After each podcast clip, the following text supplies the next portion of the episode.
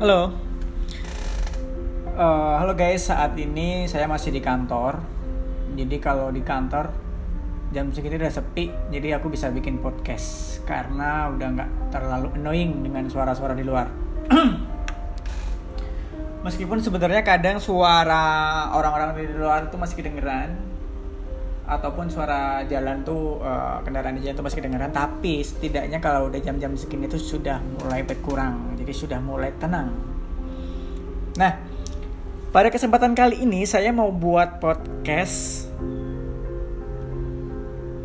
uh, saya akan share bagaimana saya mendapatkan uang 100 juta pertama saya.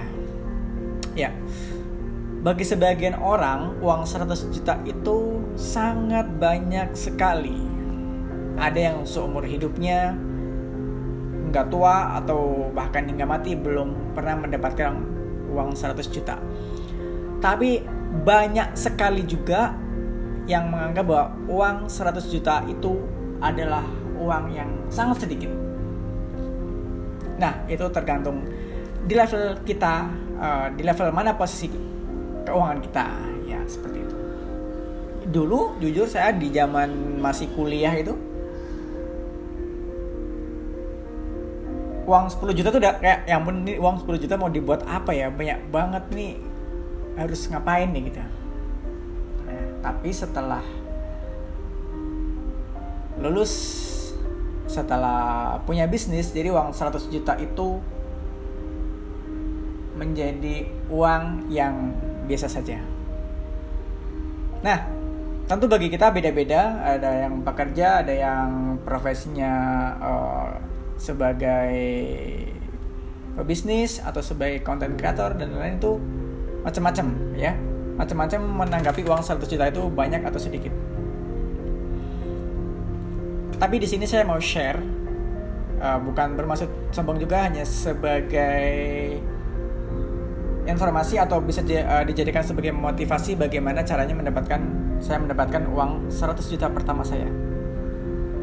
Ya. Jadi saya mendapatkan uang 100 juta pertama saya itu di usia 25 tahun. Pada waktu itu, uh, bisnisku di bidang art agency ya, itu udah berjalan sekitar 2-3 tahun. Dan pada waktu itu,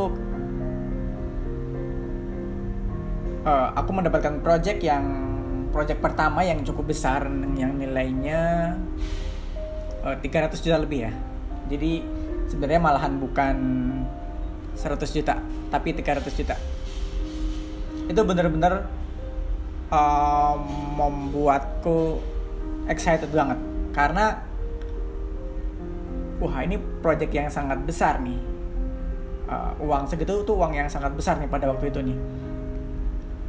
Karena sebelum-sebelumnya memang proyeknya kecil-kecil, paling uh, 5 juta, 10 juta, mentok-mentoknya 15 juta dan itu ada project yang nilainya 300 juta di bidang uh, art agency ya di bidang kreatif. Uh, untuk spesifikasinya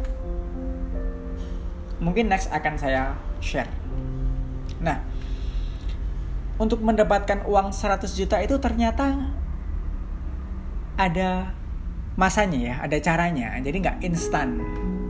Jadi berproses Jadi bisnis yang saya jalankan itu bisnis yang bergerak di bidang jasa, ya, di bidang art agency, di mana saya harus membuat portofolio yang bagus sehingga bisa dipercaya untuk bisa mengerjakan proyek-proyek yang besar. Gitu.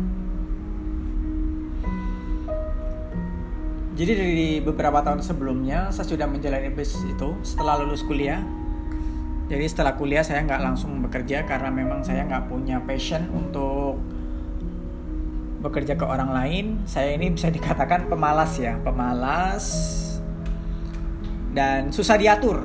Males banget kalau diatur. Beneran deh ini uh, salah satu kelemahanku mungkin nggak susah diatur. Jadi aku memutuskan untuk mandiri ya, dalam arti uh, mendirikan bisnis. Dari situ pelan-pelan dari tahun ke tahun uh, dari proyek-proyek yang nilainya hanya sejuta ya ampun dulu tuh proyek 2 juta itu udah besar banget. Di awal-awal. Pas lulus kuliah gitu kan. Lulus kuliah terus memutuskan untuk ke terjun ke bisnis itu dapat proyek 2 juta. Itu proyek pertama itu dua lebih tepatnya dua setengah juta. Waktu itu uh, ada teman saya yang minta salah satu rekanan uh, kenalan ya yang dia uh, report uh, sebuah uh, apa namanya penyiar radio. Penyiar salah satu penyiar penyiar radio kekinian di Jogja. Nah dia pengen dibuatin sesuatu di kafenya. Nah akhirnya itu pro, itulah project pertamaku. 2 juta setengah ya. 2 juta 500 itu udah ngerasa wow ini duit banyak banget nih. Semakin ke sini kita semakin berkembang saya semakin berkembang bisnis saya semakin berkembang portofolionya semakin meningkat dari mulai yang level regional dari teman ke teman sampai ke perusahaan-perusahaan level uh, nasional bahkan ada juga klien yang ke level multinasional. Dan uh, sampai saat ini brandnya alhamdulillah sudah cukup bagus ya. Dan sekarang udah memiliki banyak produk yang bisa dikembangkan sehingga monetisingnya uh, monetisnya bisa lebih cepat dan beragam. Itu. Kemudian setelah uh, berjalan sekitar dua tahun tentu dengan disambi-sambi ya. Jadi, dulu masih macam-macam uh, ininya. Masih nyambi sini nyambi sini uh, palu gada deh. Model palu gada. Kamu butuh apa? Aku ada. Gitu. Akhirnya portofolio udah banyak kita udah punya klien banyak dengan berbagai apa namanya berbagai jenis ya jenis produk yang saya jual atau dengan berbagai skala akhirnya kesampaian juga nih dapat duit 100 juta pertama. Alhamdulillah. Jadi yang ingin saya sampaikan adalah uh, setiap orang itu punya prosesnya masing-masing. Jadi ketika misalnya kalian kalian ingin mendapatkan uang 100 juta hal-hal yang harus dilakukan adalah satu kalian merasa pantas dulu kalian merasa pantas untuk mendapatkan uang 100 juta itu dulu. Kalau kalian sudah merasa pantas, nah pantas karena apa nih? Nah itu ada alasan berikutnya. Pantas karena saya sudah melakukan ini, saya sudah melakukan ini, saya sudah berjalan sepanjang ini, saya sudah bertahap sepanjang ini. Yang sudah saya lakukan sejauh ini, ya value-nya yang saya lakukan, yang saya usahakan itu udah udah sampai nih ke level saya dapat 100 juta nih. Nah, itu dulu. Jadi ngerasa apa yang kita lakukan apa yang kita usahakan itu udah sampai ke level itu.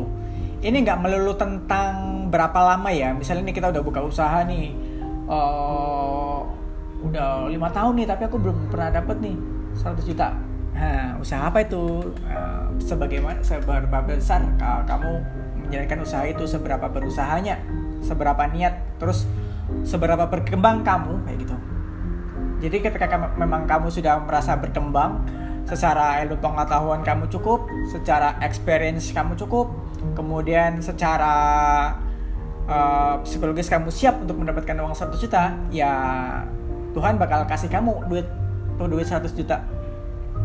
Jadi yang pertama kita meminta dulu ya.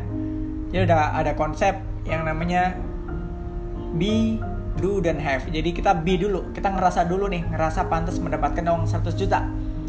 Kemudian kita do. Jadi yang harus kita lakukan, upaya-upaya yang harus kita lakukan itu pun harus setara atau senilai atau lebih dari 100 juta.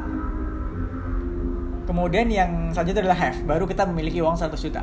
Jadi konsepnya seperti itu sekali lagi ini bukan melulu tentang berapa lama kamu ber, uh, berjuang di situ tapi seberapa besar dampaknya atau efek yang kita berikan sehingga kita layak untuk mendapatkan uang 100 juta itu.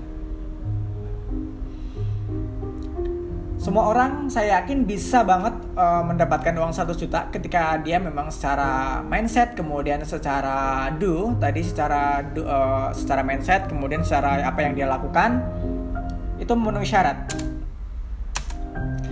ketika udah memenuhi syarat saya yakin uang 100 juta dan seberapa besar pun uang itu itu akan bisa tercapai ketika dia memang punya uh, konsep itu. Nah, di sini saya juga sedang masih apa? Masih belajar untuk bisa menggapai mimpi-mimpi saya berikutnya, menggapai target-target berikutnya. Ya, meskipun itu susah memang uh, susah ya, tapi memang itu adalah hal yang harus dilalui. Uh, enggak, bukan susah ya, enggak mudah ya. Enggak mudah tapi bisa, sangat bisa Kenapa bilang saya bisa? Karena banyak orang yang sudah mendapatkannya, banyak orang yang sudah bisa melaluinya. Jadi, istilahnya ketika orang lain bisa, saya yakin kita pun bisa. Kita harus banyak-banyak belajar, belajar dari yang sudah bisa, belajar dari yang sudah pernah mendapatkan ya. Jangan belajar pada orang-orang yang salah ya, yang yang dia juga nggak tahu caranya gimana, kayak gitu kepada orang-orang yang nggak berpengalaman itu mungkin akan uh, salah atau akan lambat.